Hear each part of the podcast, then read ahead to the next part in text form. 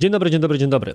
Witam Cię w kolejnym odcinku mojego programu konkretnie o marketingu i sprzedaży. I dzisiaj zaprosiłem do bardzo konkretnej rozmowy Martę Firley ze Stowarzyszenia Wiosna, która bardzo mocno jest zaangażowana w oba projekty, czyli zarówno w Szlachetną Paczkę i Akademię Przyszłości. Mam nadzieję, że oba z tych projektów znasz. Dobra, słuchaj. Panami się nie przejmuj. Oni oficjalnie do nas nie istnieją. Panowie, zobaczcie, zaraz Was zarazimy pracą dla idei. Tak się akurat składa, że my jako Digitalk mamy ogromną przyjemność pracować właśnie z Martą i jej zespołem na co dzień i zaprosiłem ją do rozmowy, dość nietypowej jak na ten kanał, ponieważ nie będziemy się dziś skupiali w tej rozmowie nad tym, co zrobić, na przykład jak odpalić reklamę e, i tak dalej, tylko jak to robić, czyli Dominującym tematem naszego spotkania i naszej rozmowy było zarządzanie zespołem. Wychodzimy w tej rozmowie od bardzo ogólnych wskazówek na temat na przykład projektowania pracy zespołu, a tak naprawdę clue naszej dyskusji były spotkania. Jeżeli więc interesuje Cię, w jaki sposób organizować spotkania, od bardzo szczegółowych aspektów typu kogo na nich zaprosić, jak powinna wyglądać agenda i kto powinien je podsumowywać, jak feedbackować, motywować ludzi podczas rozmów jeden na jeden, jak zorganizować bieżącą pracę menadżera, tudzież kierownika jakiegoś obszaru i jaki procent pracy takiej osoby powinny wypełniać spotkania, a jaki procent powinna mieć poświęcona na pracę własną, to to jest kilka spośród kilkunastu, jeżeli nie kilkudziesięciu wątków, które podczas tej dość długiej rozmowy poruszyliśmy. Więc co? Zaczynajmy. Zaprosiłem Cię właśnie, tak mówiliśmy o tym przed nagraniem, ale tak jeszcze dla kontekstu wszystkich, którzy nas słuchają, nie tylko dlatego, że po pierwsze, no wiesz, uwielbiam Wasze obie inicjatywy i chciałbym, żeby po prostu szły jak najbardziej w świat. Tylko e, kwestia jeszcze jest taka, że mam wrażenie, że bardzo dużo mówi się w materiałach różnego rodzaju mediach społecznościowych i właśnie takich biznesowych mediach o tym, co należy zrobić. Czyli wiesz, tak jak mówisz mi, że zajmujecie się performancem, budową stron i tak dalej, jest masa materiałów dla ludzi biznesu, ale i nie tylko, która mówi o tym właśnie, jak powinna wyglądać dobrze strona jak powinna wyglądać dobrze robiona kampania na Facebooku, jak tworzyć treści marketingowe i tak dalej. Sam jestem współwinny, bo sam też takie tworzę. Ale coraz częściej i coraz bardziej jara mnie ta procesowa część tego wszystkiego. No i wy, będąc de facto, mówiąc już tak po biznesowemu, firmą w firmie, i jeszcze o tak szerokim zakresie jesteście idealnym case'em do omówienia, a ty szczególnie osobą do opowiedzenia tego, od tej zarządczo-projektowej strony. Więc powiedz mi na początek może taką rzecz. Na jakich narzędziach pracujecie, żeby e, ogarnąć te wszystkie tak zróżnicowane, wewnętrznie jeszcze zależne od tych partnerów zewnętrznych, o czym też tam pewnie z czasem powiesz, projekty? No bo tego jest dużo. E, tak, tego jest sporo i też dlatego są równe narzędzia. E, choć przyznam się, że dużo pracujemy też na takim bardzo prostym, jakim jest Excel. E, i na rozpisywaniu tam e, tak naprawdę części naszych projektów. Teraz też weszliśmy w fazę testowania nowego narzędzia e, do zarządzania projektami. Pracujemy generalnie bardzo dużo na narzędziach wszelkich Microsoftu, generalnie na Office, Office 365, począwszy od planera, w którym na przykład zlecamy zadania naszym graficzkom, po współdzielone różne dokumenty, dyski, po Teamsy, budowę zespołów na Teamsach, które służą nam bardzo mocno do wewnętrznej komunikacji. E, więc tak naprawdę bym powiedziała, że to jest jakiś tam pakiet podstawowych narzędzi, z których, e, z których na co dzień korzystamy. I w sumie to myśląc o narzędziach projektowych, no to też jakby spotkania są takim narzędziem i oczywiście je również wykorzystujemy. Do tego maile, wszelkie e, czaty również na Teamsach, no i we współpracy z zewnętrznymi partnerami. E, tutaj już też w zależności e, z czego dany partner korzysta i e, do czego mu najbliżej staramy się też dogadywać, dostosowywać, więc czasem lądujemy na e, dzielonych dokumentach w zupełnie innym środowisku wybór Microsoftu to był wybór podyktowany w sensie, że pasowała tobie bądź zespołowi szerokość właśnie narzędzia, wszystko będące w jednym, czy były inne powody, żeby akurat z Microsoftem się związać w cudzysłowie? E, raczej to jest tak, że jakby korzystamy z niego w całej organizacji e, i po prostu no, jest tak naprawdę dla nas podstawowym narzędziem, więc trudno też e, budować e, takie narzędzie i budować kulturę pracy w oderwaniu od całej reszty organizacji. To musi być spójne. To przede wszystkim, więc stąd trudno na przykład, nie wiem, odejść od Teamsów w jednym zespole, skoro korzysta z nich cała organizacja, a z całą organizacją tak naprawdę współpracujemy. E, więc to jest bardziej taki po prostu wybór organizacji całej. No i jakby na tych narzędziach pracujemy już od bardzo wielu lat. E, więc no stąd po prostu mm, trochę się dostosowujemy, trochę też szukamy nowych rozwiązań i nowych dróg, które e, mogą nam w tym pomóc. Jak długo pracujesz w tym zespole? Generalnie w samej wiośnie w, pracuję od października 2016, więc 6,5 roku. Tak, ale bardzo różne role pełniłam też na przestrzeni czasu. Pytanie. Tak, kolejne tak, pytanie. tak. Więc zaczynałam w ogóle pracując przy obsłudze partnerów, e, obsłudze umów z partnerami, tak naprawdę bardziej u nas wewnętrznie. E, miałam epizod z prowadzeniem sklepu internetowego, szlachetnej paczki. E, taki również kiedyś u nas funkcjonował. Później przez dłuższy czas pracowałam w zespole zajmującym się u nas obsługą klienta czyli wszelkiego rodzaju mailingami, ale też, też nie wiem, budową infolinii na czas szlachetnej paczki i różnych takich rzeczy. Później zostałam menadżerką tego zespołu a od e, tak naprawdę jesieni 2019 moja rola się zmieniła i jakby z osoby odpowiedzialnej za jeden obszar e, zaczęłam współodpowiadać za tak naprawdę pracę całego działu. Mm, no i od tego czasu tak naprawdę zajmuję się procesami, projektami wspólnie tak naprawdę e, z Konradem Kruczkowskim, który jest dyrektorem komunikacji u nas i Kasią Kowalską, która odpowiada za komunikację strategiczną i resztą menadżerów obszarów, którzy, z którymi po prostu wspólnie pracujemy nad tym, żeby to jak najlepiej działało. Jak to się stało, że akurat tobie zaproponowano taką rolę. Zawsze mnie fascynuje ten moment, w którym ktoś będący na stanowisko, oczywiście popraw mnie, jeżeli się mylę, ale te wcześniejsze, które po powiedziałaś, zabrzmiały specjalistycznie, tudzież ewentualnie zarządczo w kontekście jednego obszaru i też tak powiązanym z pracą wykonawczą, typu zarządzanie sklepem. Tak więc zakładam, że było tam też dużo takiej roboty typu tu dodać produkt, czyli... Tak, no właśnie, zdecydowanie. Zawsze mnie fascynuje, bo nawet ostatnio nagrywaliśmy na ten temat odcinek z moją wspólniczką Agatą Banaszkiewicz, jak to, jak wygląda taka charakterologiczna i mentalna zmiana kogoś z specjalisty na menadżera, po czym poznać, że ktoś taki się na kogoś takiego nadaje. Tylko to była perspektywa, wiesz, pracownika. Więc jak to wyglądało, e, jak to wyglądało u was, że akurat ty dostałaś taką propozycję? Czy to była kwestia wyników działu, czy ktoś zauważył w tobie właśnie takie zadatki na osobę zarządzającą? E, myślę, że bardziej to drugie. Mam też wrażenie, że to wynikało z jakichś tam też moich poprzednich doświadczeń. Ja po prostu jestem dość ogarnięta, jakbym to miała kolokwialnie nazwać. E, po prostu. E, i, I trochę było tak, że w, w którymś momencie stałam się w dziale człowiekiem od zadań specjalnych. Generalnie w organizacji, jak się pojawiały jakieś nowe rzeczy, jakieś trudne rzeczy, e, to jakby trafiały dość często do mnie, bo byłam sobie w stanie z tym po prostu czyli poradzić. Czyli wiadomo, że jesteś właśnie takim go-to, mówi się go-to guy, no ale w tym wypadku go-to girl. E, jeżeli było Trochę coś trudnego, tak. to było wiadomo, że Marta to ogarnia. Trochę tak. Trochę tak zaczą, zaczą, zaczęło w którymś momencie być. E no i tak, no i tak naprawdę przez, e, przez jakiś czas właśnie budując gdzieś zespół e, też obsługi, jakby porządkując go trochę, bo jakby e, gdzieś tam troszeczkę moja zajawka w którymś momencie z procesami, z ich spisywaniem i tak dalej, jakby organizacją w którymś momencie też też Konrad zastanawiając się nad przyszłością działu, jakby zaproponował mi takie stanowisko, trochę wyszliśmy od tego, co w dziale jest potrzebne, czego nam brakuje. E, no i jakby trochę tego porządkowania e, nam trochę brakowało. E, stąd pojawił się pomysł stworzenia nowej roli, bo to była zupełnie nowa rola w dziale. No i została mi zaproponowana, też tak naprawdę ją współtworzyłam i do tego wątku zaraz będę chciał przejść, ale muszę sobie najpierw pozwolić, nie byłbym sobą, na pewien komentarz, bo mam podobne przemyślenie, czy inaczej, mam takie przemyślenie, które jest podobne do tej drogi, którą ty przeszłaś, jeżeli chodzi o osoby, które często zostają menedżerami. Że to jest tak, że masz w organizacji dwa typy ludzi. Ludzie, o których myślisz, to jest osoba do tej roli, i ludzie, o których myślisz, to jest osoba, z której pójdę, do której pójdę, jak mam problem.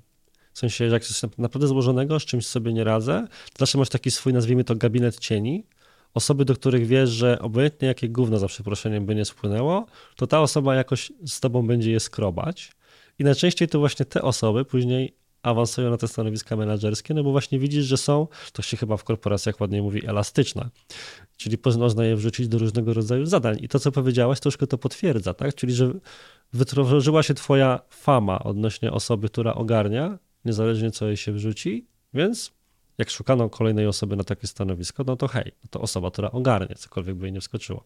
Trochę tak. Y, mam wrażenie, że to jest dość częste, no ale też y, z drugiej strony pozwala na wyciąganie ludzi w ramach organizacji, który, którzy mają potencjał tak naprawdę i którzy e, mogą pomóc jej wzrastać, nie? No bo to jest, myślę, tutaj clue.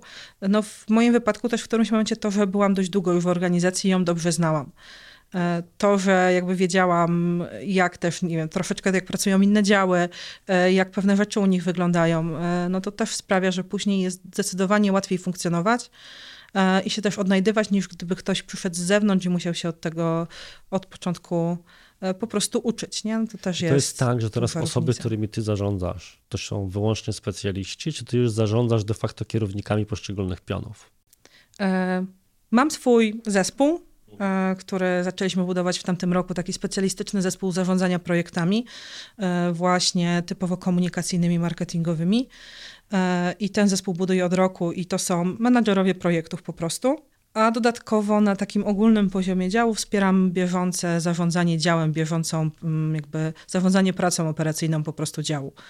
E, czyli współpracuje z menadżerami poszczególnych obszarów.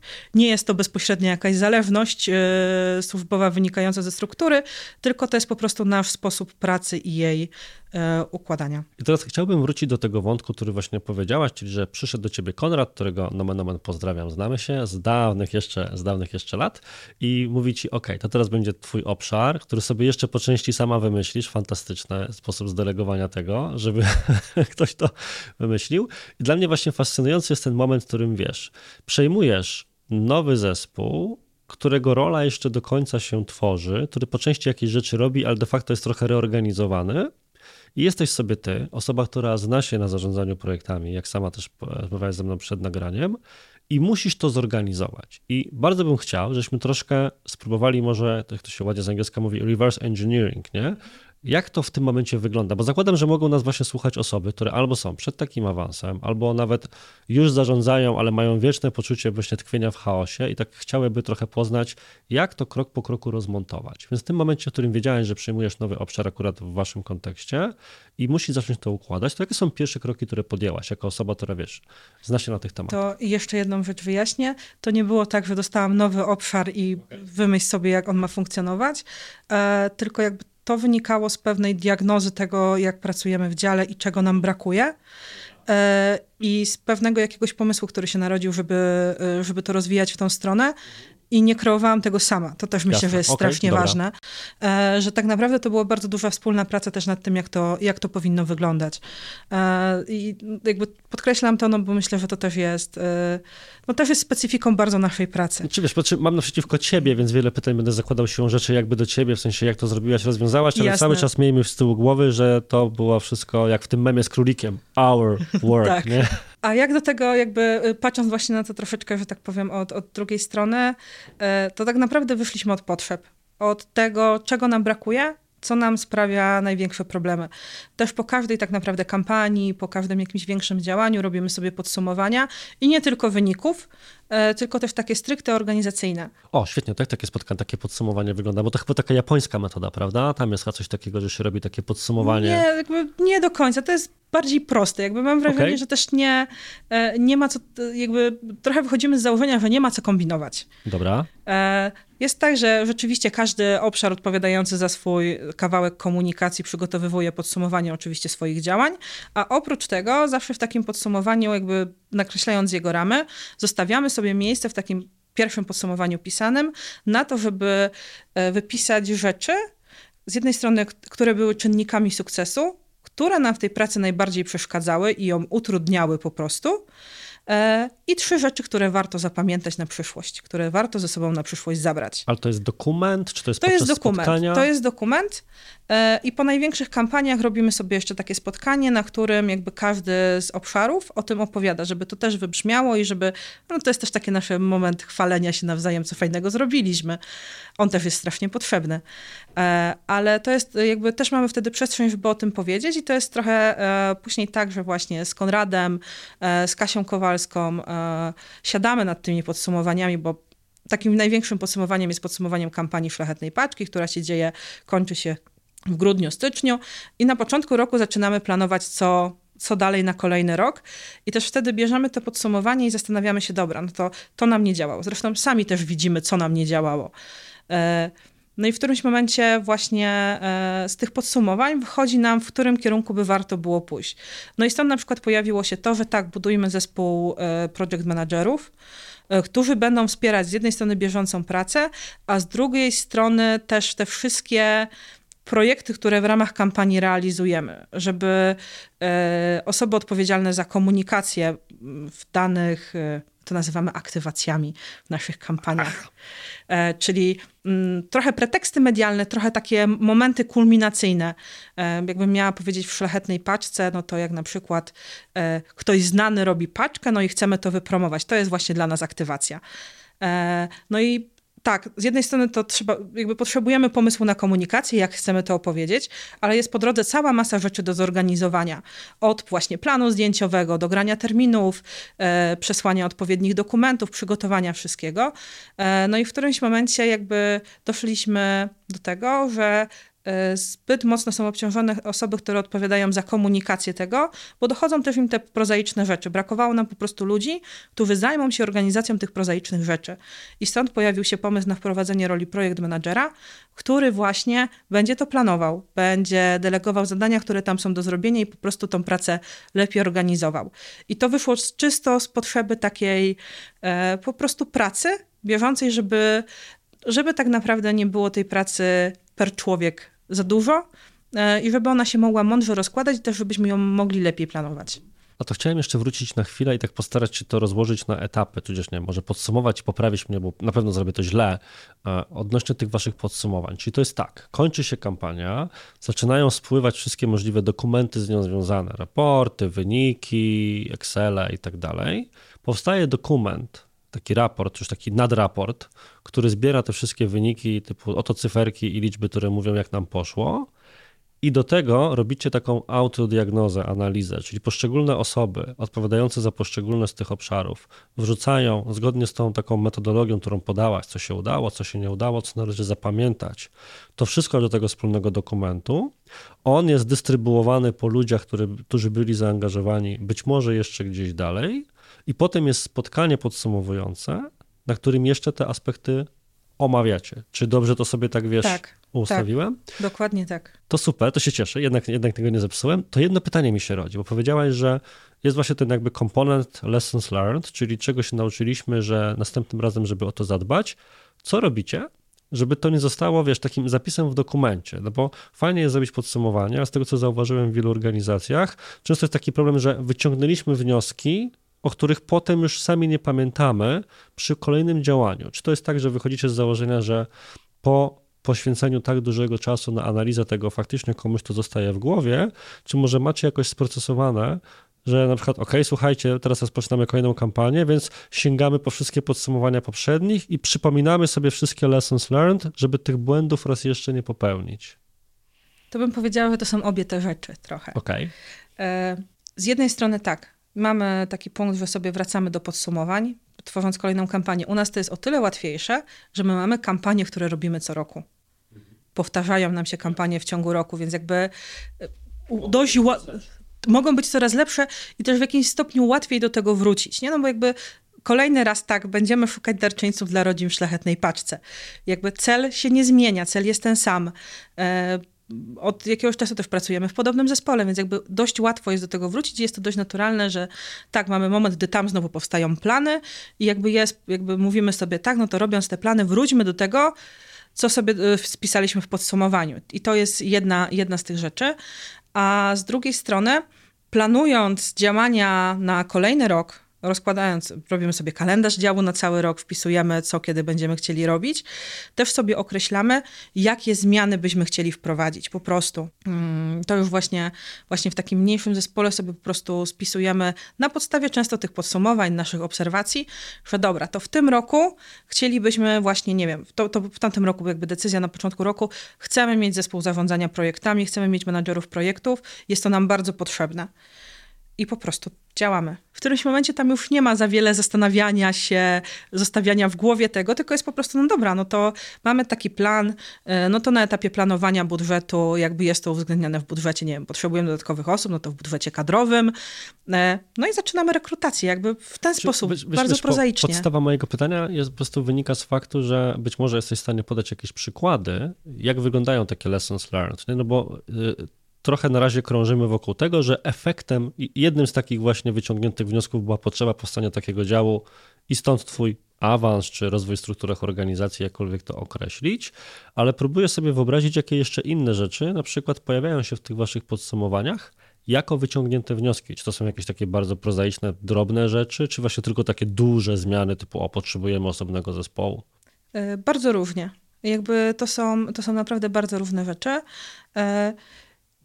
Jedną z takich jest to, jak na przykład w jaki sposób te, nie wiem, mamy właśnie, posłużę się przykładem kampanii Fletnej Paczki, myślę, że jest najbardziej przez wszystkich widziana e, z naszych kampanii i rzeczywiście mamy nam tak jakby znane osoby robiące paczki e, i różne inne aktywności, które w tej kampanii się dzieją. E, jedną z takich rzeczy, którą sobie wyciągamy i do której wracamy przy planowaniu kolejnych kampanii, jest to, jak nam się dane rzeczy przekładały na wyniki. Jaką różnicę robi nam to, w który dzień opublikujemy daną aktywację Okej. Okay. E, jak nam to właśnie, jakie są powiązania między tym, że nie wiem, opublikowaliśmy to we wtorek, a opublikowaliśmy coś bardzo podobnego w piątek i jakby zupełnie inaczej się to przekładało. E, I staramy się też to analizować pod tym kątem. I to, to jest taka rzecz, myślę, którą, e, którą na pewno sobie też wyciągnęliśmy z podsumowań kampanii, jakby trochę jaki rytm ta kampania powinna, powinna przyjmować. Nie? I co, kiedy lepiej wrzucić paczkę? Generalnie wtorek, czwartek, weekend. I teraz wszyscy zaczną rzucać wtorek, czwartek i bum. Nie, no jakby to w naszym wypadku, jakby każdy ma swoją specyfikę. Jasne, dlaczego się o tym śmieję? Kiedyś miałem udział brać, e, miałem przyjemność brać udział w konferencji poświęconej e-mail marketingowi dla sklepów internetowych. I tam było tak, że występował ekspert z jednego narzędzi do wysyłki e-maili, żeby tu nikogo nie promować, bo nie o to chodzi. I on powiedział coś w stylu, że proszę Państwa, analiza naszych tam setek tysięcy wysyłanych maili pokazuje, że największy zwrot dla e-commerce dają tam czwartki dziesiąta, dajmy na to. I po tej konferencji, najbliższy czwartek o 10, to ja miałem, wiesz, z 20 newsletterów każdego możliwego sklepu, więc wszystkich uczestników tej konferencji, więc zakładam, że wszystkie te czwartkowe statystyki pff, spadły w tym momencie, no bo tak to wtedy wygląda. Więc oczywiście to, to dlatego w formie żartu, żeby teraz, słuchajcie, wrzucajcie kiedy chcecie, to i tak chodzi o celebrytów. Nie do, też nie do końca, można się czasem bardzo zaskoczyć. E, okay ale jakby, i też jakby myślę sobie, że niewiele osób na przełomie listopada i grudnia szuka darczyńców dla rodzin ze szlachetnej paczki, więc jakby tutaj myślę, że mamy to wyjątkowe e, w stosunku do sklepów e-commerce'owych. No to prawda, to prawda. Natomiast um, przechodząc wobec tego dalej, czyli teraz tak, jesteś, zostajesz szefową, nie wiem jak to nazwać, nie będzie, że szefowa, okej? Okay? Ja nie lubię tego słowa, ale... Kierowniczko, to jakie lubisz? Jakie lubisz? Nie, ja po prostu jakby... Y nawet chyba o tym w tych kategoriach nie myślę. Mhm. E, tylko bardziej na zasadzie, że tak, to jest mój zespół i ludzie, z którymi pracuję okay. i bardzo nie myślę o sobie jako o szefowej. To zrobimy to po korporacyjnemu. Zostajesz, uwaga, trzymaj się, liderką. Także zostajesz liderką tego zespołu. Także widzisz, kierowniczka było tak bardziej po perolowsku. Zostajesz liderką tego zespołu i musisz go zorganizować. I załóżmy, że właśnie pewnie nie jedna osoba, która nas słucha, będzie w podobnej sytuacji, bądź nawet teraz jest. I jak zabrałaś się za organizowanie swojej pracy, bo zresztą takie wrażenie, że wiesz, połowa roboty to jest robienie roboty, połowa roboty to jest organizowanie sobie roboty i ta druga połowa jest trochę tą ważniejszą połową, bo implikuje tę pierwszą. Strasznie skomplikowany wstęp do pytania. Natomiast jakie były pierwsze kroki, które podjęłaś w tej nowej roli, żeby się upewnić, że dobrze zorganizujesz sobie właśnie tydzień pracy, dzień pracy, raportowanie poszczególnych pionów, czy kierowników, czy projekt managerów. Jak to wyglądało? W sumie trudno mi na to odpowiedzieć, bo y, mam wrażenie, że to też jest bardzo zależne od człowieka i bardzo intuicyjne. I że każdy z nas gdzieś będzie to robił w inny sposób. To podam ci tylko kontekst. Bo na przykład u nas jest na przykład coś takiego, że jak ktoś przyjmuje nowy zespół, u nas są zespoły specjalistyczne i ktoś zostaje nowym menadżerem, to takim trochę oczekiwaniem i my tak zawsze taką osobę promujemy jest to, że pierwszym co zrobi, będzie przygotowanie swojego expose do zespołu.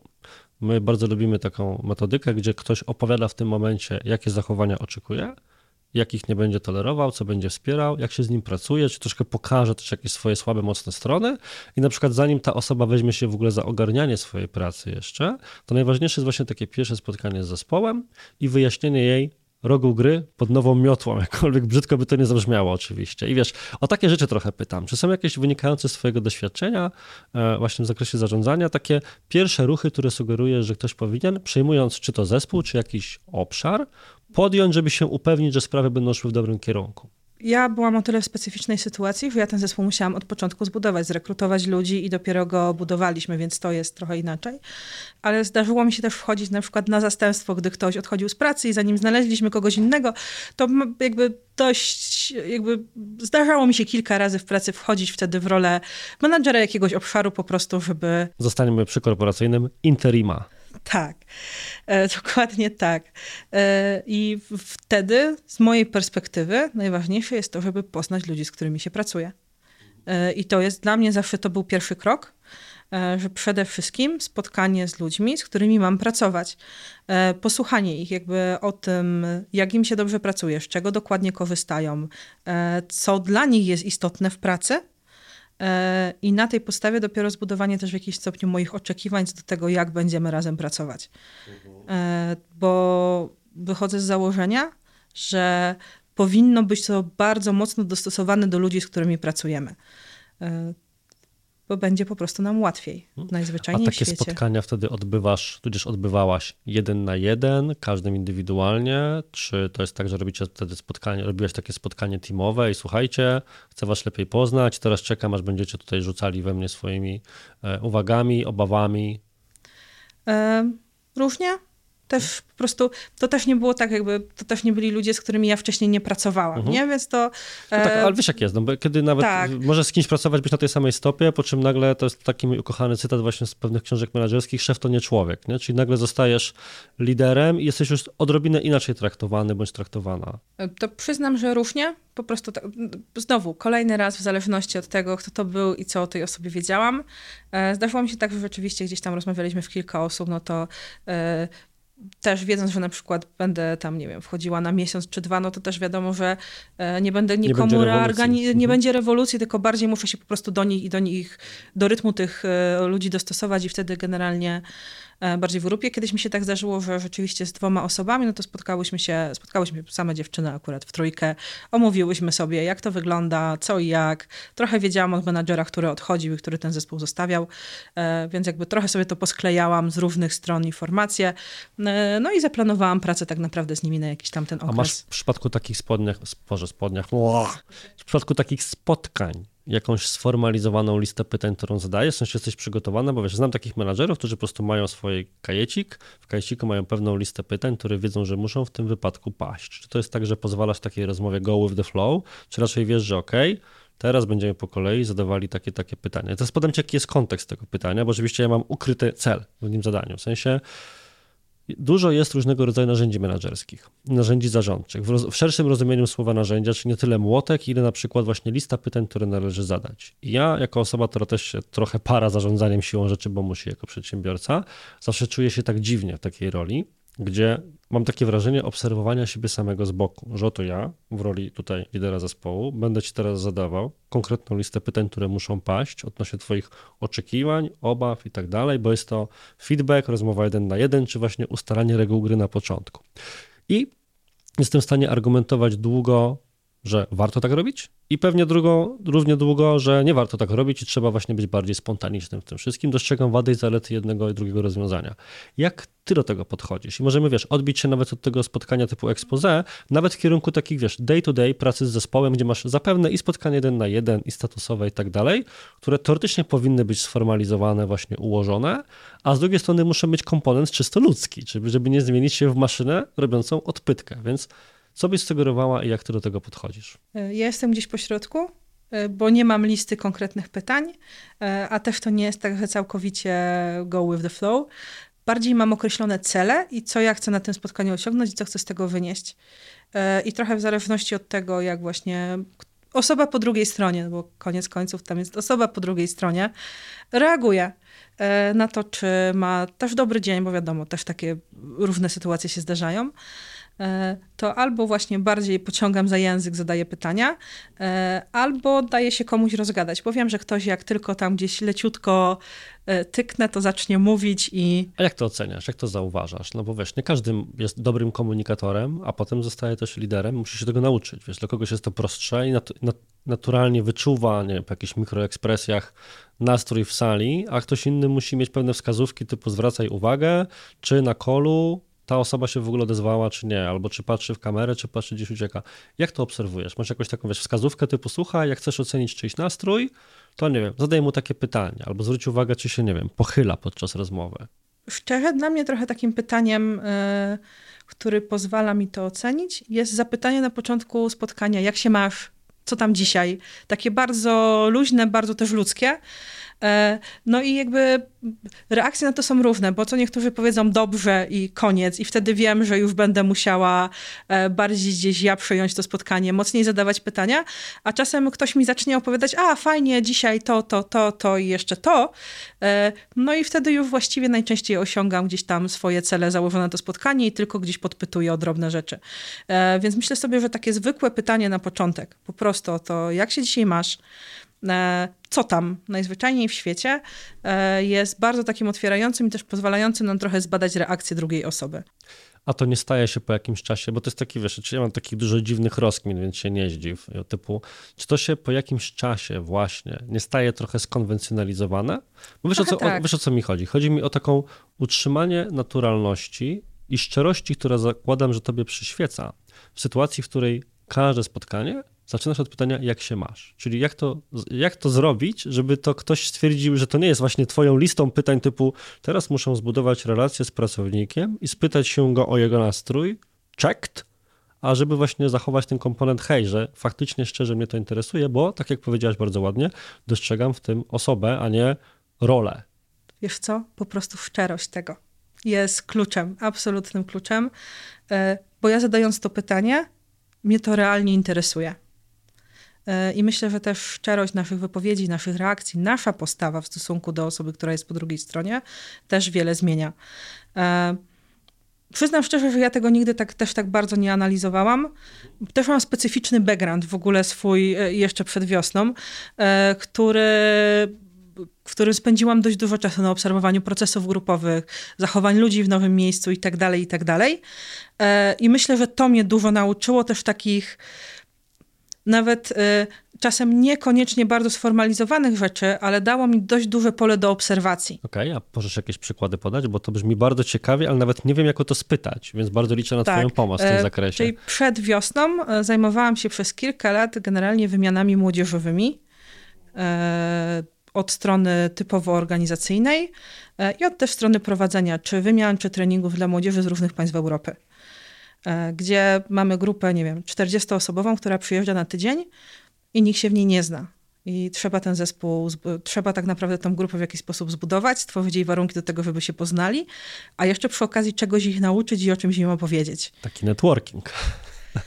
Czasem tak. E, takie spotkania też były, więc e, tak, jakby i tam e, oczywiście wszystkie teorie o budowaniu grupy, o procesie grupowym, o tym, jak to przebiega po kolei, e, jakimi rzeczami można to wspierać i że w ogóle czasem nie unikajmy konfliktów, bo one nam pomogą tą grupę zbudować i tak Ale to dalej. Powiedz i tak coś dalej. Więcej, bo myślę, że wiesz, osoby, które nas e, słuchają i nawet się parają zarządzaniem na co dzień, niekoniecznie mają czas albo niekoniecznie pamiętają z czasów studiów na przykład lektury typu tworzenie procesów grupowych pięć kroków, które po sobie następują, więc możesz to w jakiś sposób rozwinąć? No tak, no najpierw nam się muszą e, ludzie po prostu poznać, e, e, czyli najzwyczajniej w świecie wiedzieć, kim są, skąd są i, i w ogóle e, takie, takie podstawowe, e, podstawowe rzeczy. Później musimy zacząć tworzyć, tak naprawdę stworzyć im ramy, e, pokazać jakieś, jakieś zasady, w których mogą funkcjonować.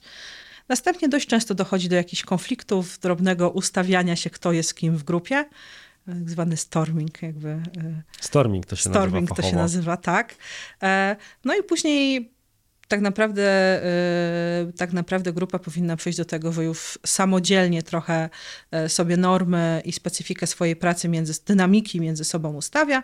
No i później przychodzi do performingu, czyli już generalnie robimy to, co mamy do zrobienia, realizujemy cele, po które tu przyjechaliśmy. Więc tak, no to tak w skrócie bardzo A taki dużym... proces trwa ile?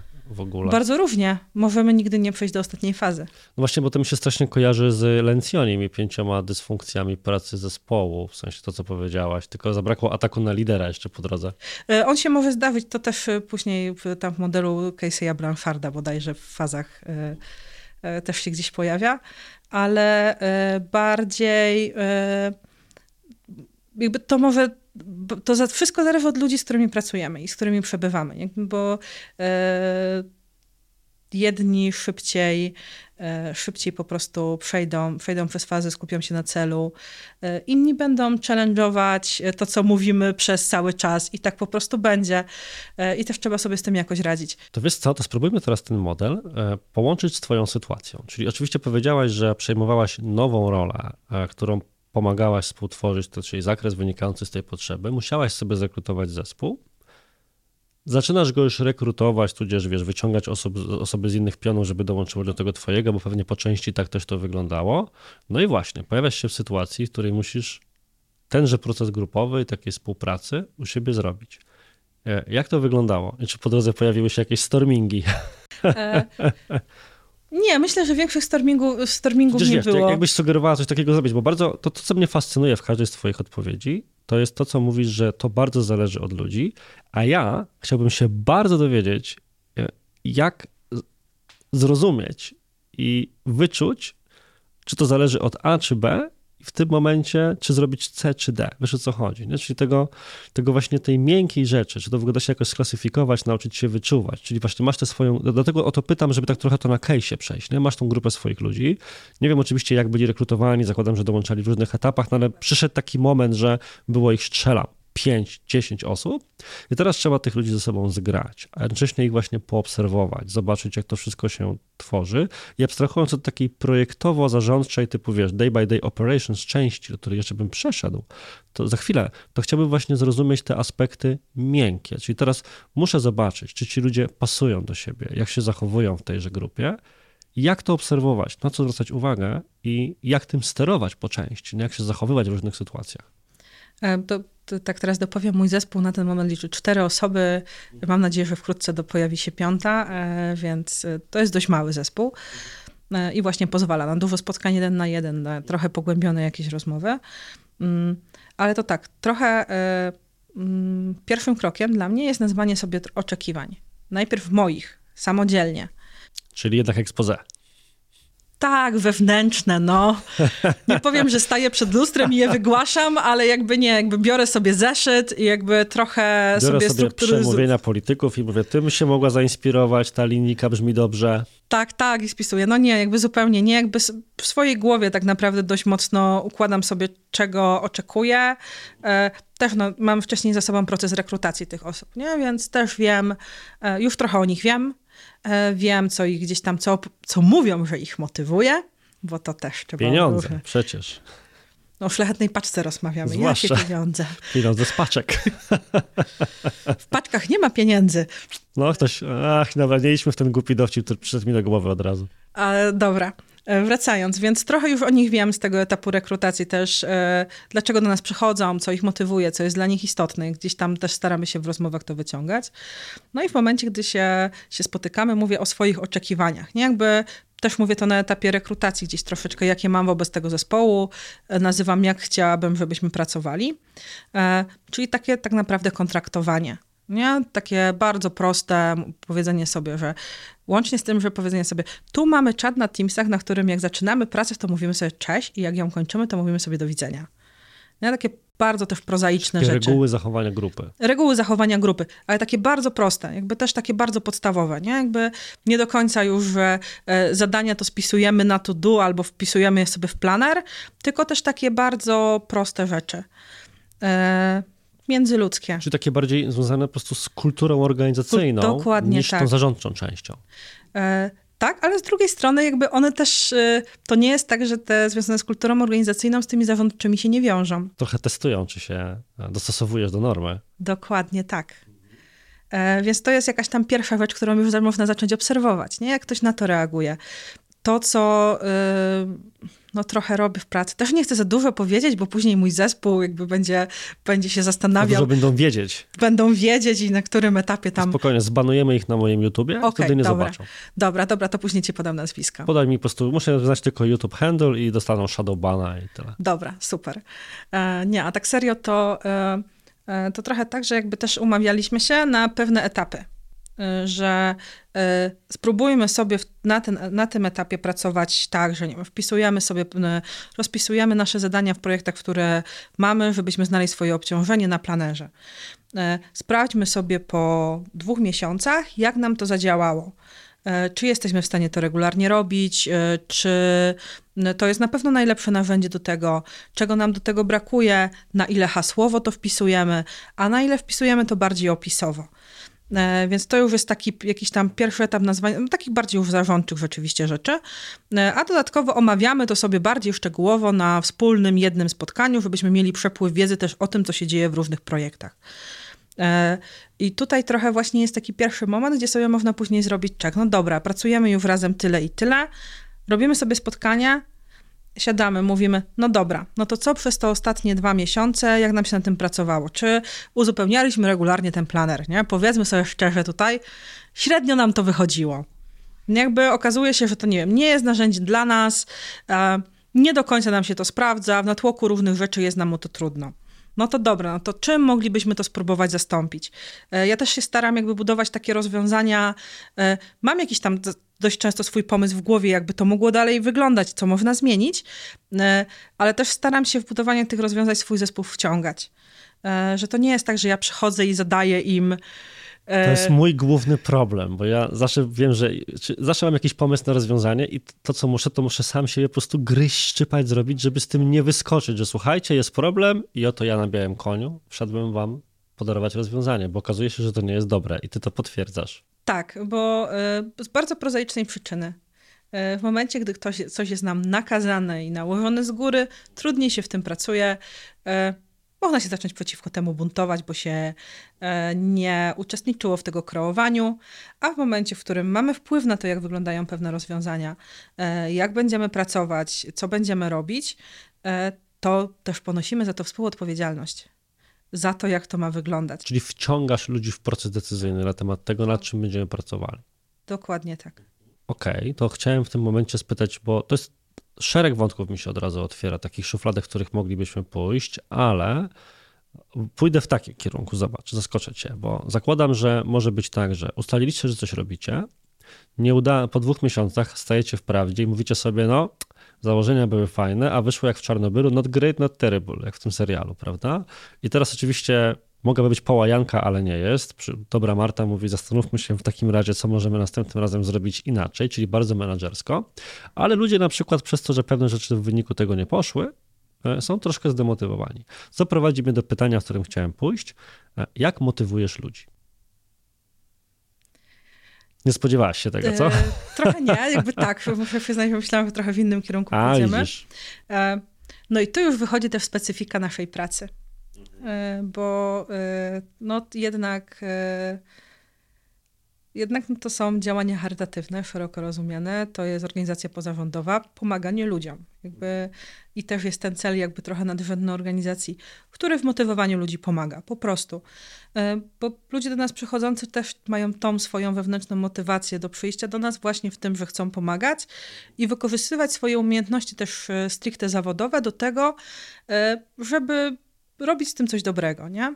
Więc to jest jakaś tam rzecz, która. Czyli oni są silnie zmotywowani wewnętrznie? Tak, myślę, że tak. Jakbym miała powiedzieć to zdecydowanie. Wiadomo, zdarzają się słabsze momenty, jak w każdej, jakby koniec końców to też praca, nie? Co jest takim powodem, że jest słabszy moment? Kwestia obciążenia, czy to, że coś nie idzie? Myślę, że różne rzeczy. Mm, mogę powiedzieć też za siebie bardzo mocno, że dla mnie trudnym momentem jest, gdy kończy się kampania szlachetnej paczki mamy święta, jest taki moment rozprężenia e, i później wracam do pracy, z jednej strony wypoczęta, z drugiej strony już mi opadły te wszystkie emocje, nie? jakby też po okresie bardzo takiej intensywnej pracy, no i trzeba z powrotem się w ramy pewne wdrożyć. No to jest dla mnie trudny moment co roku. E, ale też no, wiem, że też mój zespół miał taki moment, że trudno mu było się z powrotem zmobilizować do pracy po takim rozprężeniu. E, to myślę, że też jest po takich intensywnych okresach może przyjść taki bardzo trudny to moment. Jak to robicie? Bo ostatnio właśnie miałem okazję rozmawiać z jednym zarządzającym, dyrektorem tutaj e, w Łodzi, który mówi, dzwonimy, bo nagrywamy to, nie taki komentarz z OFU, nagrywamy to krótko po świętach wielkanocnych, no ja właśnie z tym dyrektorem rozmawiam w wtorek poświąteczny i on mówi mi, jak tam Artur, dzwonimy do siebie o 12. Mówię, ja tutaj już o 10 rano zrobiłem zebranie swoich dyrektorów, żeby tutaj mi z góry zrobili raporty, żeby się kurna tutaj po tych świętach za wesoło nie poczuli, bo jeszcze jaj, jajkami, sałatką objedzeni i muszą mieć motywację do roboty, nie? Także taka motywacja po polsku. Utrzymywać w stanie bojowej gotowości. Natomiast y, jak w takiej sytuacji wygląda to u was? Bardzo tak, że najpierw dajemy sobie czas na odpoczynek, bo to jest też strasznie ważne. E, i na to, żeby właśnie się z tego ucieszyć. E, I później e, ja robiłam to w ten sposób, że wprowadzałam kolejne zadania, które są do zrobienia. Mniejsze, drobniejsze, takie, na których od razu widać efekt. Trochę na rozpęd. Trochę na rozpęd. Hmm? Czyli, Czyli taki takie... quick, quick win, jak to się ładnie mówi, Dokładnie tak? Że już tam tak. coś wyszło, coś zrobiliśmy. Już coś wyszło, można odhaczyć. Czyli nie jesteś fanem techniki zjedz tę żabę, że od razu najcięższa rzecz, bach i nie, jedziemy. Nie, nie, nie. Jakby zdecydowanie nie jestem. Myślę sobie, że jakby jest czas na ciężką pracę, jest czas na odpoczynek, jest później czas, żeby do tej ciężkiej pracy się znów przygotować i pomału z powrotem w nią wejść. A to, to co chciałem jeszcze przez chwilę poruszyć, bo to brzmi ciekawie, taki profil kandydata do szlachetnej paczki na osobę, która chce dołączyć do zespołu, czy generalnie do was, tak? W sensie, tak mówię, szlachetna paczka w uproszczeniu, wiadomo, no ale wiesz, wiesz o, o, co mi, o co mi chodzi w tym momencie. Czym ten człowiek się, wiesz, różni od takiej zwykłej osoby po prostu idącej do pracy? Faktycznie jest to taka, jest taka silna potrzeba, że ludzie przychodzą tu z pasji, z misji, pojawia się dość mocno to też, jak e, rekrutujemy rzeczywiście gdzieś w tych motywacjach, często się przewija to, że e, chcę u was pracować, bo robicie, co robicie. E, I to jest dla mnie istotne. Też, co, na, co mnie osobiście bardzo cieszy, przewijałem się rzeczy, że słyszałem o was dużo dobrego. E, ktoś mi opowiadał, że e, u was można się dużo nauczyć.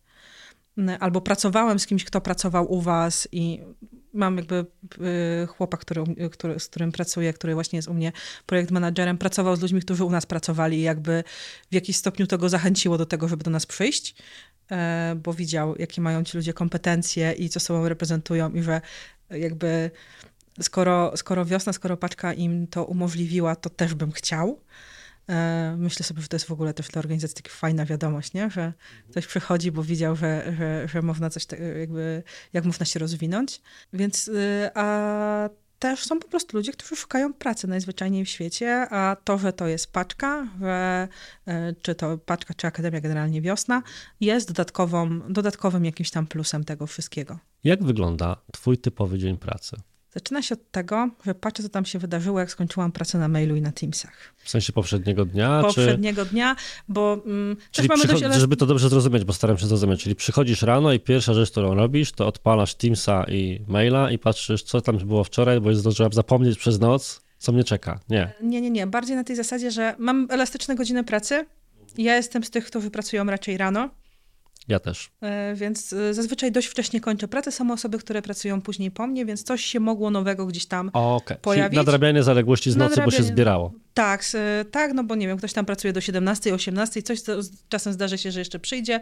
E, też jakby po prostu sobie patrzę, co tam się, co tam się, co tam się podziało, czy ktoś coś pisał, czy nie pisał. Witam się z zespołem, to tak w ogóle też wa bardzo ważna rzecz. Mamy, mamy także rzeczywiście i z moim zespołem projekt menadżerów i też e, tak naprawdę w gronie wszystkich menadżerów, których mamy w dziale komunikacji się ze sobą rano, mówimy sobie po prostu cześć, jestem. Jasne. Na Teamsach w sensie. Na Teamsach, tak. Czasem wrócimy jakimś memem, żartem. Prosta. Dokładnie tak. No Dzień jakby... bez mema, dniem straconym mamy tak samo. Dokładnie tak. No też to się zmieniło, gdy przeszliśmy na pracę zdalną. Wcześniej pracowaliśmy w biurze, więc to też trochę inaczej wyglądało. Więc tak, no i później y, mój dzień pracy trochę zależy od tego, jakie mam spotkania danego dnia. Mam dwa takie dni, gdzie mam e, bardzo stałe spotkania rano, e, które właśnie mamy statusujące najpierw w gronie E, menadżerów, obszarów po prostu wszystkich. E, I to mamy takie spotkanie krótsze, bardziej, e, bardziej o też o miękkich rzeczach, o tym, jak nasze zespoły się mają, co u nich słychać, też do przekazywania, czy to jakichś informacji personalnych, albo czasem poradzenia się w jakimś temacie. Bo też do tego to grono nam e, służy i to mam takie krótkie, tam półgodzinne spotkanie, żeby, żeby takie rzeczy przegadać. Czasem mamy je krócej, e, w zależności to od jest tego. raz na tydzień, raz na miesiąc? Dwa tygodnie. R- raz dwa razy w tygodniu. tygodnie. Dwa razy w tygodniu. Dwa razy w tygodniu. Czyli krótkie spotkania w małym gronie liderów, menadżerów, kierowników Tak. o bieżących wyzwaniach ludzi, ale też takie wsparcie problemowe. Dokładnie tak. Mhm.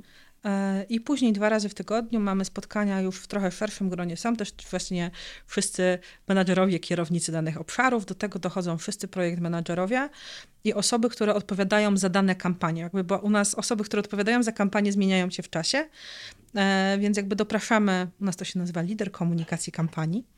Pięknie. Tak, dopraszamy tę osobę do takich spotkań na czas trwania tej kampanii i przygotowań do niej. E, I to już mamy takie nasze typowe operacyjne spotkania, gdzie robimy sobie agendę, przechodząc po e, projektach, które aktualnie mamy, po kampaniach, które aktualnie prowadzimy, żeby wyrównać wiedzę. E, To jest pierwszy cel. Drugi cel to jest też poradzić się, takie konsultacyjne typowo, typowe rzeczy, wsparcie w podejmowaniu jakichś decyzji, nazywaniu kierunków. To jest jakoś tak podzielone na sztywno, w sensie, że agenda jest stała i wiadomo na przykład, że OK, mamy cztery projekty, strzelam oczywiście teraz osoba pierwsza robi raport, druga robi raport, trzecia robi raport, a potem jest strefa wolnych pytań, zaczyna się właśnie te rady, jak to powiedziałaś, czy jest to mniej sformalizowane? Mniej sformalizowane. e, Tak naprawdę przed każdym spotkaniem robimy sobie agendę, która będzie się działa na danym spotkaniu, bo, bo to jest spotkanie właśnie takie bardziej przekrojowe przez, e, przez grono właśnie osób, które z jednej strony nadzorują realizację tego, które odpowiadają też za to jakby no, takiej strukturze powiedzmy macierzowej, mogłabym to nazwać. I jakby tam nawet nie stricte, że omawiamy sobie szczegółowo wyniki. Do tego nam służą zupełnie inne spotkania. To są spotkania bardziej e, dotyczące tematów właśnie, które są jakimś większym problemem, które są na stykach, które powodują jakieś trudności. E, I te spotkania nam służą trochę do tego, żeby to rozwiązywać, albo nadawać kierunki, w jakich można pójść, w jakim gronie to rozwiązać, nazwać sobie takie, e, takie Czyli rzeczy. są to, mówiąc dowcipnie, spotkania celem organizacji kolejnych spotkań. Czasem tak, czasem tak, e, ale to są czasem bardzo takie prozaiczne rzeczy. E, Mamy, nie wiem, mm, chcemy, jakby robimy właśnie jakąś tam naszą aktywację, czy cokolwiek takiego e, i nie wiem, mamy ustalony termin, kiedy ona ma wystartować, nie wiem, wystartuje tam, nie wiem, w przyszły wtorek. E, No ale nagle się okazuje, że w ten przyszły wtorek będzie też jeszcze, nie wiem, jakiś, nagle rząd zapowiedział jakąś konferencję albo cokolwiek takiego, nie? Okazuje się, że coś się dzieje wokół, co nam może na to wpłynąć. No to to jest grono, w którym możemy porozmawiać sobie, no dobra, no to jakie tam są zagrożenia, e, co nam to może zrobić, jak to na nas wpłynie i czy w związku z tym tą datę powinniśmy zmieniać. Wszystkie tego typu decyzje podejmujecie tak konsensualnie, czy Staramy się. Okej? Raczej przychodzi moment, gdy wiadomo, trzeba powiedzieć, no to dobra, no to jest decyzja i idziemy dalej. E, ale dość często nam po prostu... A takie bieżące, nie próbujecie tego na przykład dogrywać asynchronicznie? W sensie, czy każdy taki większy problem rozwiązujecie spotkaniami, czy też macie jakieś inne procedury wdrożone? Znaczy nie, no jakby część też rozwiązujemy po prostu na Teamsach, e, na czacie, jakby to też po prostu zależy. A z drugiej strony też po to mamy te spotkania dwa razy w tygodniu umówione, żebyśmy mieli stałą przestrzeń, w której możemy o tym rozmawiać. Jakby taką po prostu, że zawsze ta przestrzeń jest. To też trochę buduje takie poczucie bezpieczeństwa, że jeśli e, mam jakiś problem w projekcie, który realizuję, w kampanii, w której jestem, czy nawet w swoim obszarze, że nie wiem, trochę mamy za duże obciążenie i z czymś nam się trudno wyrobić, mm, no to gdzieś tam sobie to, jakby jak to pogodzić i, i też pewne rzeczy rozstrzygnąć, no to mamy stałą przestrzeń, która do tego służy. I tak z mojej perspektywy to buduje właśnie takie bardziej poczucie bezpieczeństwa, że tak mam się do kogo zwrócić. Zawsze. E, No dla mnie to jest bardzo istotne. Powiedziałaś, że masz dwa stałe dni spotkań w tygodniu. A co w pozostałe? E, W pozostałe tak. No z jednej strony są spotkania, które wychodzą nam z tych spotkań, e, ale nie, to abstrahując, mam oczywiście spotkania typowo jeszcze też operacyjne ze swoim zespołem, spotkania jeden na jeden z nimi, to się najczęściej dzieje poniedziałek, wtorek. Mamy później tak zwane operatywki projektów, czyli właśnie tam, gdzie raportujemy sobie, e, dajmy na to, e, zbliżająca i jakby niedługo przed nami kampania pozyskiwania wolontariuszy do Szlachetnej Paczki i Akademii Przyszłości, gdzie mamy spotkania e, bardzo międzydziałowe, bo to już nie jest tylko komunikacja, to jest już bardzo, bardzo szeroko też dział projektów społecznych, w tym bardzo mocno uczestniczy i odpowiada po prostu za pewien odcinek. Gdzie sobie właśnie omawiamy liczby, e, omawiamy sobie, no to dobrze, to mamy tyle zgłoszeń, tyle tych zgłoszeń już zostało obsłużonych, tyle mamy z tego wolontariuszy, e, no bo to dość długi proces. E, jakby też nazywamy właśnie, jakie są problemy, e, co się tam dzieje, jakby też wyłapujemy takie jakieś trudności. E, no i poza tym obszary też raportują dokładnie, co zrobiły, e, jakie osiągnęły efekty swoich działań. No też jakby Budujemy fajne monitoringi, nie będę ukrywać, które nam pomagają w bieżącej analizie sytuacji. E, Nasz tutaj dział e, anality- badań i analityki e, jakby tutaj nam bardzo, bardzo mocno pomaga. Zawsze oni tak naprawdę rozpoczynają takie spotkania po prostu przedstawieniem bieżącej sytuacji takiej e, mocno liczbowej, też nie wiem, omówienie źródeł, z których mieliśmy posługując się e, tą kampanią, tą samą zgłoszenia do tego wolontariatu, e, jaką one miały konwersję i tak dalej, i tak dalej. Więc Jaki procent twojej pracy to spotkania? Też, o, powiedziałabym, z 60. To całkiem niedużo, mimo wszystko, mam wrażenie. Jak na typowego menadżera, który wiecznie biega ze spotkania na spotkanie. Przynajmniej taki wiesz, typowy w rozumieniu, jak się przeważnie z takimi Tak, liderami rozmawia. Też zależy od okresu. Jakby są takie, w których tych spotkań jest trochę mniej, ale myślę sobie, no, że 60, czasem do 70. Staram się sobie zostawiać czas na pracę własną, e, bo też prowadzę niektóre projekty, też potrzebuję czasu na to, żeby pomyśleć, e, żeby odpisać na maile. Troszkę do tego dążyłem, bo jak zaczęłaś mówić, że masz dwa dni w tygodniu stałych spotkań, mam bardzo podobnie, czyli że mam de facto półtora dnia, który jest nienaruszalny w moim kalendarzu, bo biegam od spotkania do spotkania. Mój cały poniedziałek działa tak, że jak mam pierwsze spotkanie o 8.30, to ostatnie kończę gdzieś o 17. Jestem po tym warzywem swoją drogą, natomiast jestem na bieżąco wtedy ze wszystkim, z czym potrzebuję być. I zacząłem tak robić, odkąd przedtem miałem właśnie tak, że te spotkania były rozproszone przez różne dni. I mimo, że teoretycznie masz spotkania, wiesz, dwa w ciągu dnia w różnych godzinach, to to ci strasznie nie utrudnia wejście w takie flow roboty, kiedy masz jakieś ważne zadanie, o którym mówiliśmy do zrobienia, więc dążę do tego, czy to właśnie też wypracowałaś sobie celowo, że tak to musi być zrobione, żeby właśnie zachować tę przestrzeń pracową na inne rzeczy, czy to jakoś wyszło naturalnie? Też trochę wynika z naszej kultury organizacyjnej. Raczej lubimy spotkania. My się lubimy spotykać, jest ich dużo, czasem jest za dużo i, i rzeczywiście zdarzają się tygodnie, To było moje kolejne pytanie, czy co robicie, żeby było ich mniej?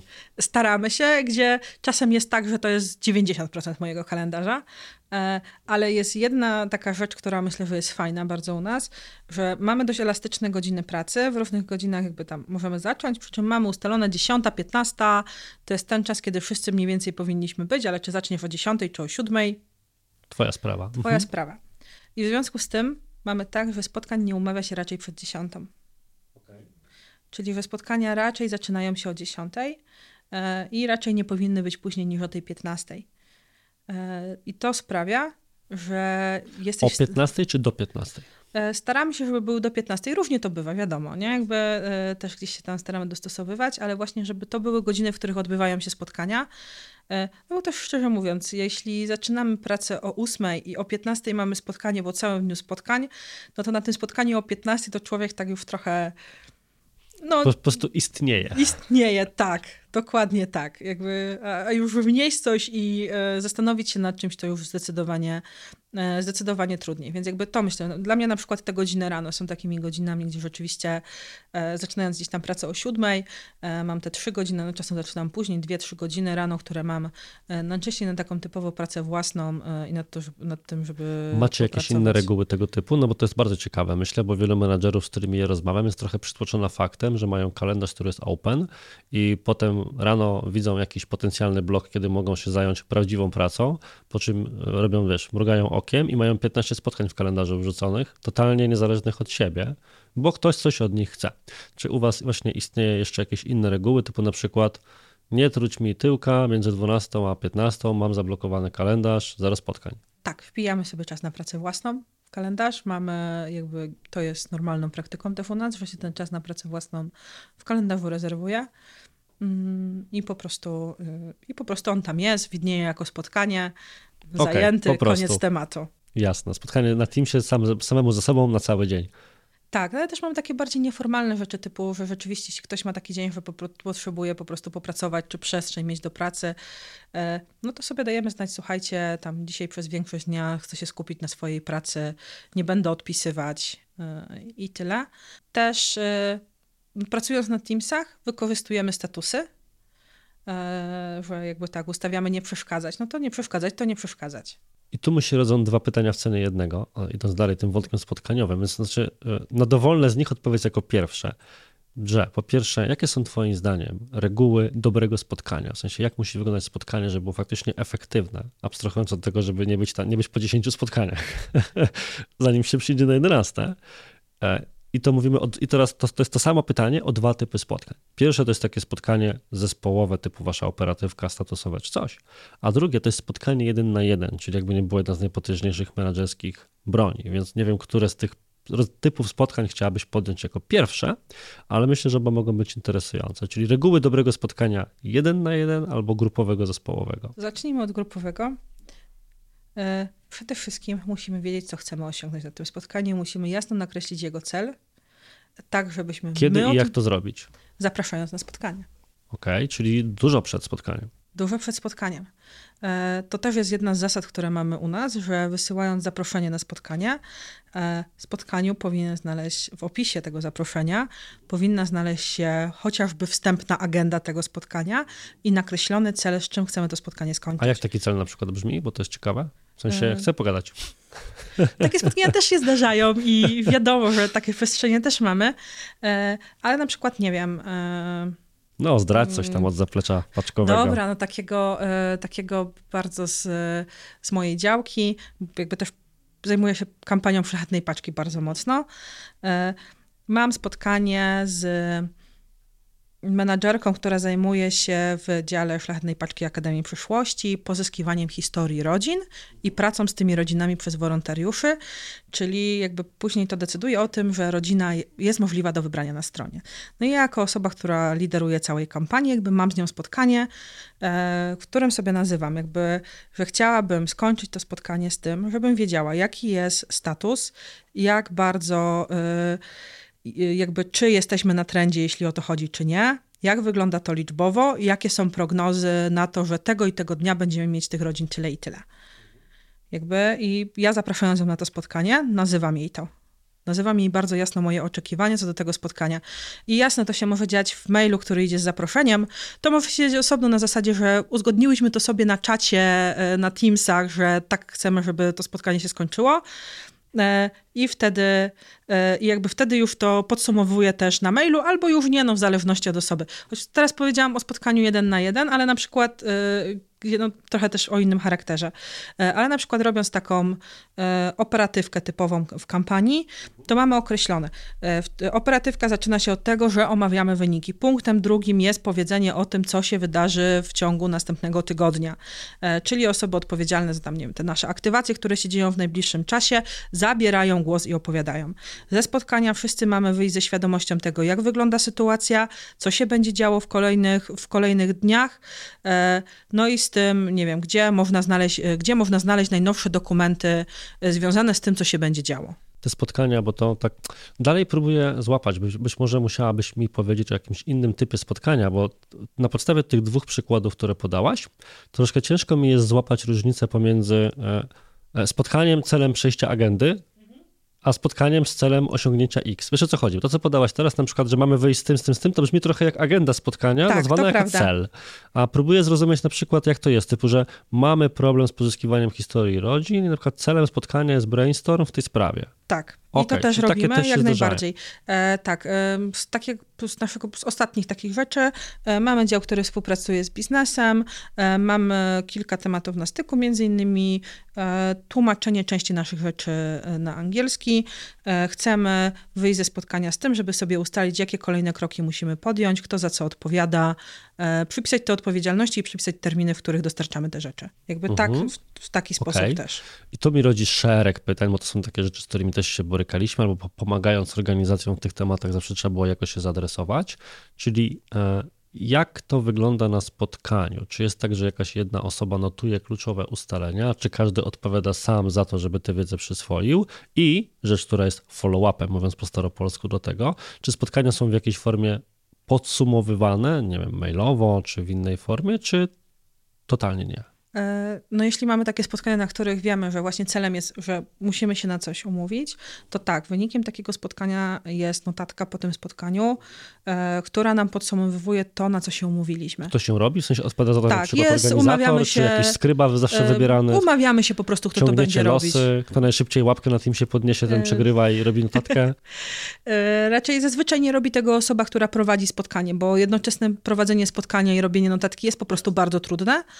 E, tylko umawiamy się albo dopraszamy nawet czasem specjalną, specjalnie osobę do tego, żeby robiła te notatki. Skrybę dokładnie tak, e, żeby te notatki robiła. A jak się upewniacie, że ta osoba, e, wiesz, to tak powiem, napisze to po linii partii, w sensie na przykład na koniec jest jakiś taki, wie, to teraz odczytajmy tę notatkę i upewnijmy się, że taki trochę odpowiednik parafrazy, nie? że wiesz, teraz czytamy tę notatkę i zgadzamy się, że to jest to, co zostało powiedziane i ustalone, czy... Jeśli mamy czas, bo to też zależy trochę od czasu, to staramy się w ogóle parafrazować też ustalenia, nie? Jakby e, też na operatywkach, gdzie mamy kilka wątków na przykład, nie? No to ja je prowadzę, więc często robię tak, że wy dobra, no to jakby ton, punkt kończymy, mamy takie, takie i takie ustalenie, e, jest Paula, która to notuje, jakby wiem, że Paula to zanotowała, e, a e, później e, jeszcze też mamy taki moment, gdy na przykład międzydziałowo robimy sobie jakieś ustalenia, że ląduje notatka, czy to nie wiem, na czacie spotkania, czy później na mailu i dajemy sobie czas, ustalamy sobie termin, dobra, to do tego i tego momentu szczytujemy to, upewniamy się, że wszystko tam jest,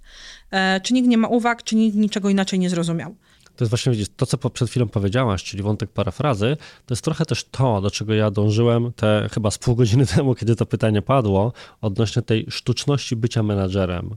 No na przykład ja, choć wiem, jak potężnym narzędziem jest parafraza i siłą rzeczy staram się je stosować, zawsze czuję się, mówiąc kolokwialnie, jak debil, kiedy ją robię, no bo to jest coś takiego, ktoś coś ci powiedział, a ty mówisz, ok, to teraz chciałbym się upewnić, że dobrze cię zrozumiałem, czy chodziło ci o to i o to, nie? I nie wiem, może po prostu ja jestem jakiś dziwny, ale mam zawsze takie wrażenie strasznej sztuczności tego. I tak wiesz, teraz ja tobie powiem, co poeta miał na myśli, żeby mi poeta potwierdził, że mam rację że go dobrze zrozumiałem. Więc wiesz, to właśnie to zawsze to, co tak dla mnie jako osoby, która właśnie siedzi w tym zarządzaniu, jest takie zawsze najtrudniejsze w tej pracy, czyli jak zachować ten ludzki wymiar prowadzenia rzeczy, które siłą rzeczy muszą być skonwencjonalizowane, bo ja muszę zrobić tę pieprzoną parafrazę, a nie chciałbym przy tym wyjść jak robot. Nie? Więc dlatego też się pytam o takie, jak widzisz, aspekty, które są pewne powtarzalne, bo łatwo je trochę zrutyno, zrutynizować, popaść w rutynę, przez to też mniej się skupić na tym, a to jest de facto kluczowy moment, nie? żeby zakontraktować trochę te ustalenia. Typu, OK, było spotkanie, trwało godzinę, wypracowaliśmy jakieś wątki.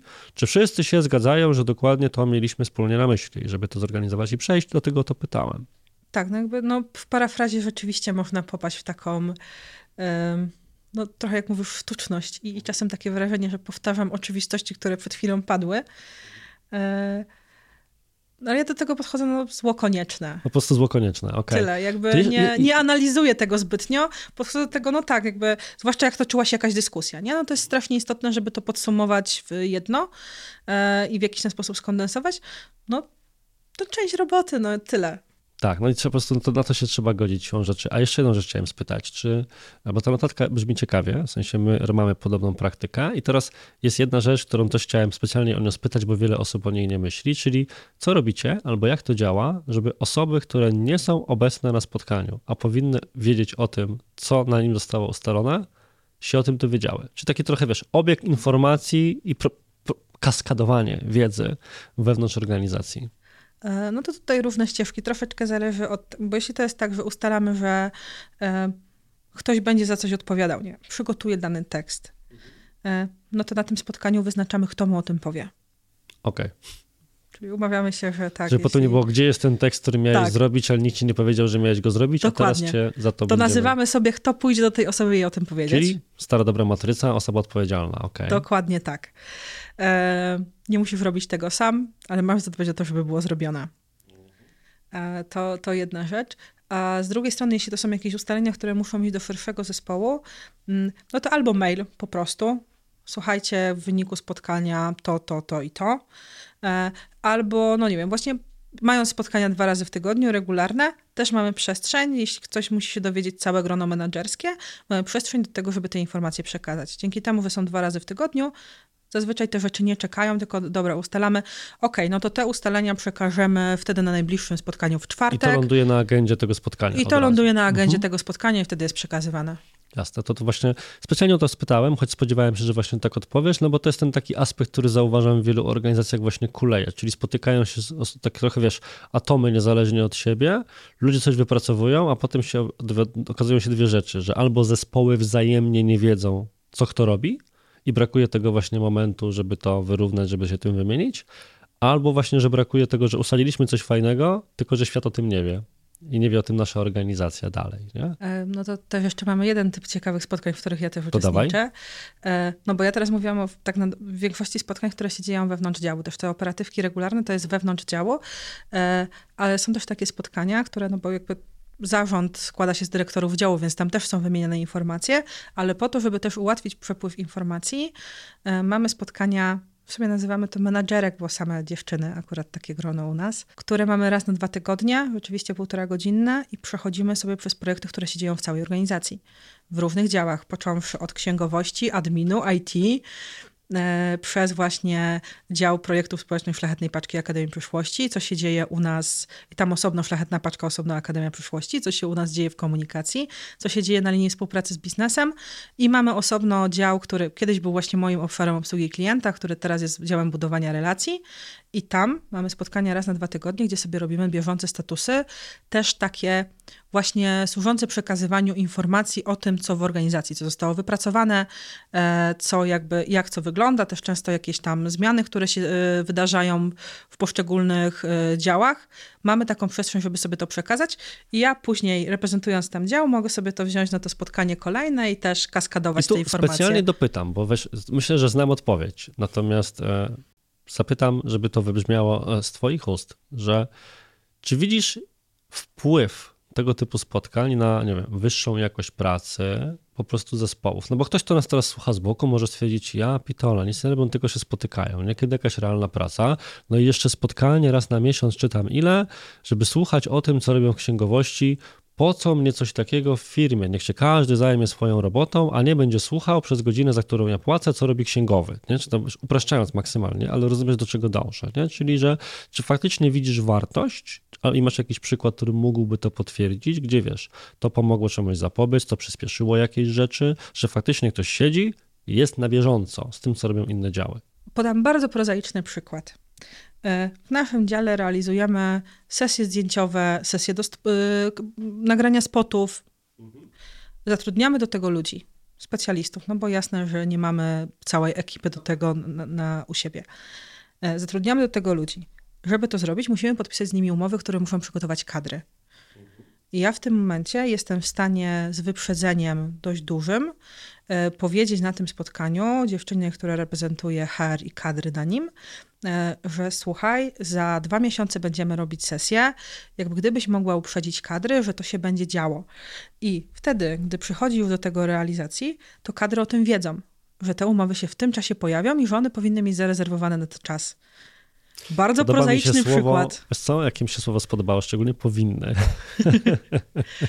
tak, to, wiadomo, różnie działa, nie? Wiemy, ale... że różnie to bywa, nie? Byłem na spotkaniu, teoretycznie powinienem to zrobić, no ale cóż, życie i tak to po prostu wygląda. Ale jakby w większości przypadków u nas to ale działa. Ale jasne, to, to, jest, to jest bardzo fajny, taki down to earth, nie? Przyziemny przykład, że temu takie spotkania służą, bo potem odkręcanie czegoś takiego trwa pięć razy więcej. My też coś takiego mamy. Swoją drogą, wiesz, my się dzisiaj widzimy, a za tydzień dokładnie mamy naszą własny taki zjazd firmowy, a elementem tego zjazdu jest spotkanie, które my światowo nazywamy alignment, właśnie uspójnienie i taki właśnie obieg informacji, gdzie jest jakiś problem jak u Was do opracowania, ale poza tym właśnie celem jest wymiana informacji na temat bieżących projektów poszczególnych działów, prezentowana przez poszczególnych kierowników i kierowniczki, bo to jest ważne, żeby wszyscy wiedzieli, co kto robi, bo czasami potem jest taka reakcja, że kurde, ja nawet się nie spodziewałem, że w tej firmie to się dzieje, albo że wy to robicie, albo że myślałem, że to by się przydało, teraz widzę, że ktoś już to zaadresował wcześniej. To jest takie fajne, motywujące swoją drogą, w sensie, hej, ta organizacja mm. myśli, a nie, że tylko ja myślę, a oni tam nie wiadomo za co pensję biorą. To prawda. E, też ja na przykład e, widzę taki plus bardzo e, takich spotkań, że w jakiś sposób ja mam wtedy możliwość poznania pracy właśnie działów. Ty mówisz właśnie, że oni to robią, oni o tym pomyśleli. Z jednej strony tak, a z drugiej strony też mam taką wiedzę, że później jak przychodzę na spotkanie menadżerów i pojawia się jakiś temat i jakby albo coś tam, albo jakieś, nie wiem, narzekanie się pojawia, wiadomo jak to, mhm. jak to no, w wiadomo. organizacji. Ludzie. E, to jakby ja jestem w stanie zareagować, ale słuchajcie, no bo u nich w tym momencie się dzieje to, to, to i to. No, trochę cierpliwości, nie? Jakby, nie wiem, że ktoś nie odpowiedział na coś. Jestem, mam też wiedzę, która mi mhm, też pomaga reagować na takie rzeczy. Mhm. Jasne, czyli takie taka metoda budowania empatii i wyrozumiałości, a nie, że my tutaj napieprzamy, a ci to pewnie kawę piją, no bo wiadomo, NGOs. E, raczej już od e, dawna, myślę, jest coraz mniej tego w naszej organizacji, ale wiadomo, jak jesteśmy ludźmi, różne rzeczy się zdarzają, ale tak jakby to też y, temu pomaga, nie? Na przykład ja wiem, że księgowość w tym momencie, nie wiem, jakieś tam zwroty wiszą, bo księgowość w tym momencie kończy sprawozdanie finansowe, nie? Okej, to w takim razie nie zapomniałem jeszcze pytania, które padło już chyba dobrych paręnaście minut temu, ale pięknie przez kilka rzeczy przeszliśmy po drodze, czyli to mówiliśmy w kontekście efektywności i jakości spotkań grupowych w rozumieniu zespołowych, a bardzo by mi zależało, żebyś jeszcze powiedziała z Twojej perspektywy i doświadczenia o sztuce prowadzenia dobrych spotkań jeden na jeden, bo to myślę jest takie jedna z najważniejszych kompetencji menedżerskich, a często szalenie wręcz niedocenianych to tak, przede wszystkim znów musimy wiedzieć, czego od tego spotkania chcemy. E, I też nazwać to sobie najpierw e, i umówić na to z tą osobą, z którą to spotkanie jeden na jeden mamy. Żebyśmy mieli ten sam poziom wiedzy, te same oczekiwania i też posłuchać tej drugiej osoby, czego ona od tych spotkań oczekuje. Ja mam też teraz tak, że na przykład z e, moimi menadżerami projektów Przechodzimy sobie przez ich projekty, jestem też dla nich wsparciem, doradzam, podpowiadam. E, też takie bardzo robocze rzeczy. A takie spotkania robimy. zwołujecie, że tak powiem, z doskoku, w sensie, że jak trzeba, to je robimy, czy one są stałym punktem waszego kalendarza? Mamy dwa rodzaje. Są, stałe, są spotkania, które są stałym punktem kalendarza i one są wbite i to jest, dla mnie to jest czas, który ja mam wbity dla osób, z którymi pracuję e, i ja mam dla nich zarezerwowany czas. E, I jasne, zdarzają się sytuacje, że musimy to przesunąć. Dzisiaj też musiałam takie spotkanie przesunąć. No, cóż. E, tak, tak wyszło. Mm, I mam ten, e, ten czas po prostu dla nich zarezerwowany, i to jest czas, na którym się spotykamy. Czasem na krócej niż mamy w kalendarzu wbite, bo po prostu mm, gdzieś wiele rzeczy się w tygodniu wydarzyło, przy innych okazjach było omawianych, ale wciąż tą przestrzeń ja bardzo chcę mieć i bardzo sobie tego pilnuję, mm, bo też wychodzę z założenia, że daję właśnie osobom, z którymi pracuję, to, że mam zawsze dla nich czas. I ten czas zawsze dla nich powinnam mieć, niezależnie od tego, co się dzieje.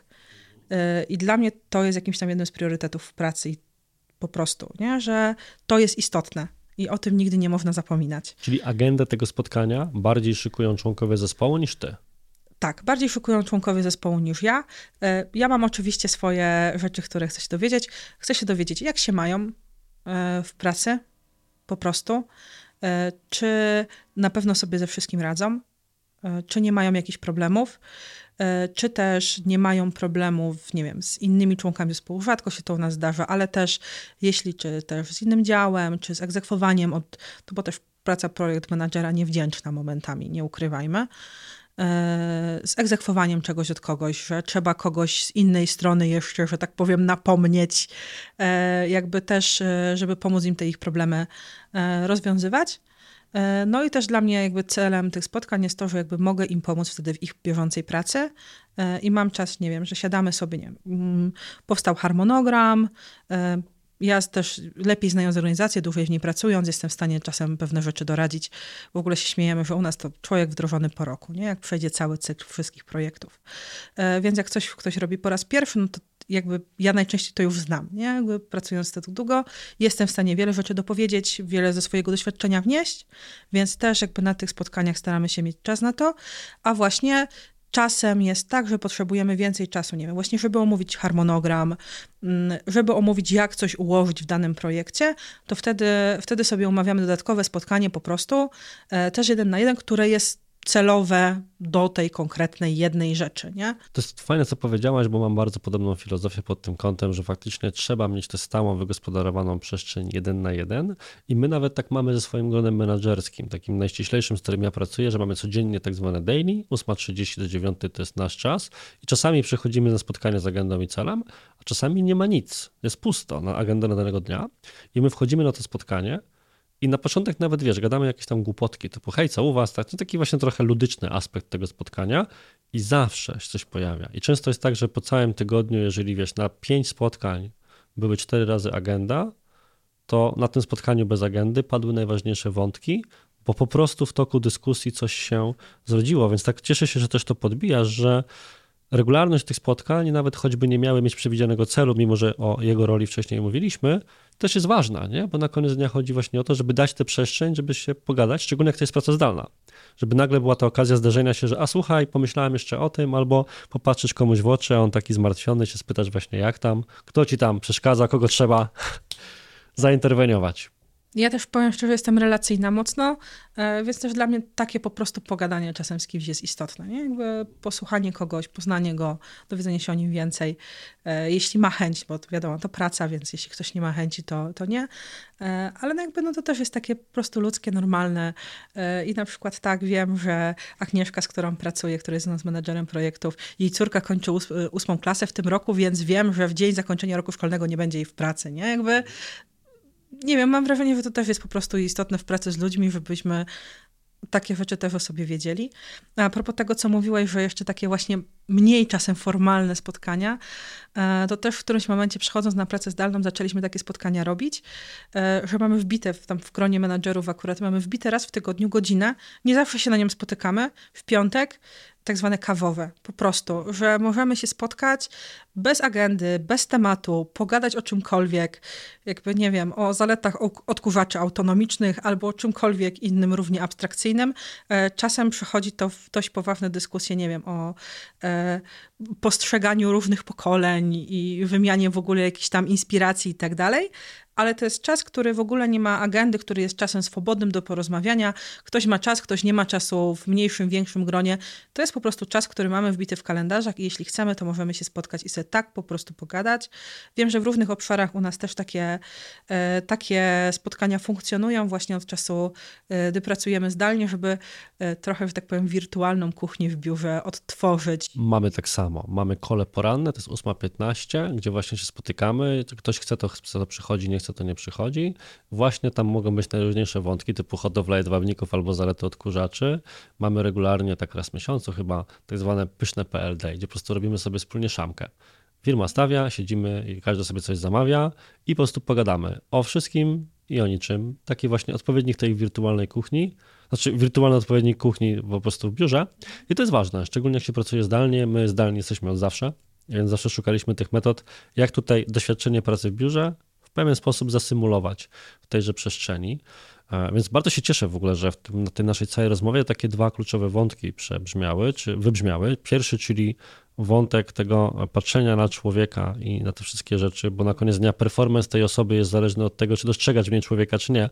Żeby, bo to najczęściej, z tego co pamiętam, jak czytałem badania, ludzie odchodzą z roboty między innymi dlatego, że twierdzą właśnie, że organizacja nie widzi w nich osoby, tylko widzi w niej właśnie wyrobnika do roli, którego można łatwo zastąpić. Że ktoś nie czuje się postrzegany jako indywidualność. Nie wiem, czy widziałaś te badania, ja takie ostatnio czytałem. I drugi wątek, czyli sól pracy menedżerskiej, mianowicie spotkania, bo nieraz jak właśnie ze swoją wspólniczką, iż de facto to z wierzchniczką zespołów wykonawczych Agatą rozmawiam, to ona zawsze mówi, cały tydzień spędziłem na spotkaniach, nic nie pchnęłam, wydawałoby się, z rzeczy, które sama chciałabym zrobić, a potem patrzę tydzień później, że dzięki tym wszystkim spotkaniom pchnęło się 20 innych rzeczy, bo było jak to przegadać. Więc dlatego tak cieszę się, że naturalnie wyszliśmy teoretycznie od bardzo szerokiego aspektu związanego z zarządzaniem, a skończyliśmy na radach i taktykach odnośnie spotkań. Więc budując na tym, czy jest jeszcze jakaś ostatnia rada w zakresie albo tych relacyjnych aspektów, albo prowadzenia spotkań wszelkiego typu, którą chciałabyś na koniec jeszcze tutaj naszym słuchaczom, widzom, żeby wybrzmiała. Mam wrażenie, że teraz to bym cię tylko sparafrazowała. A, bank 10 na 10. No dobrze, w takim razie pięknie, teraz nie wiem jak się odnaleźć. W takim razie bardzo Ci dziękuję za przyjęcie zaproszenia. E, cieszę się, że miałem okazję gościć kogoś z tak ważnych, że tak powiem, społecznie inicjatyw e, jak Wasze. I jak to ładnie mówią w mediach, moim i Państwa gościem była Marta Firlej. Dobrze wymawiam. Tak, tak. Bardzo, bo ja mam wadę wymowy, więc zawsze się mocno, mocno staram. Do zobaczenia w przyszłym tygodniu. Dziękujemy. Ja dziękuję w imieniu swoim i Twoim. I cześć.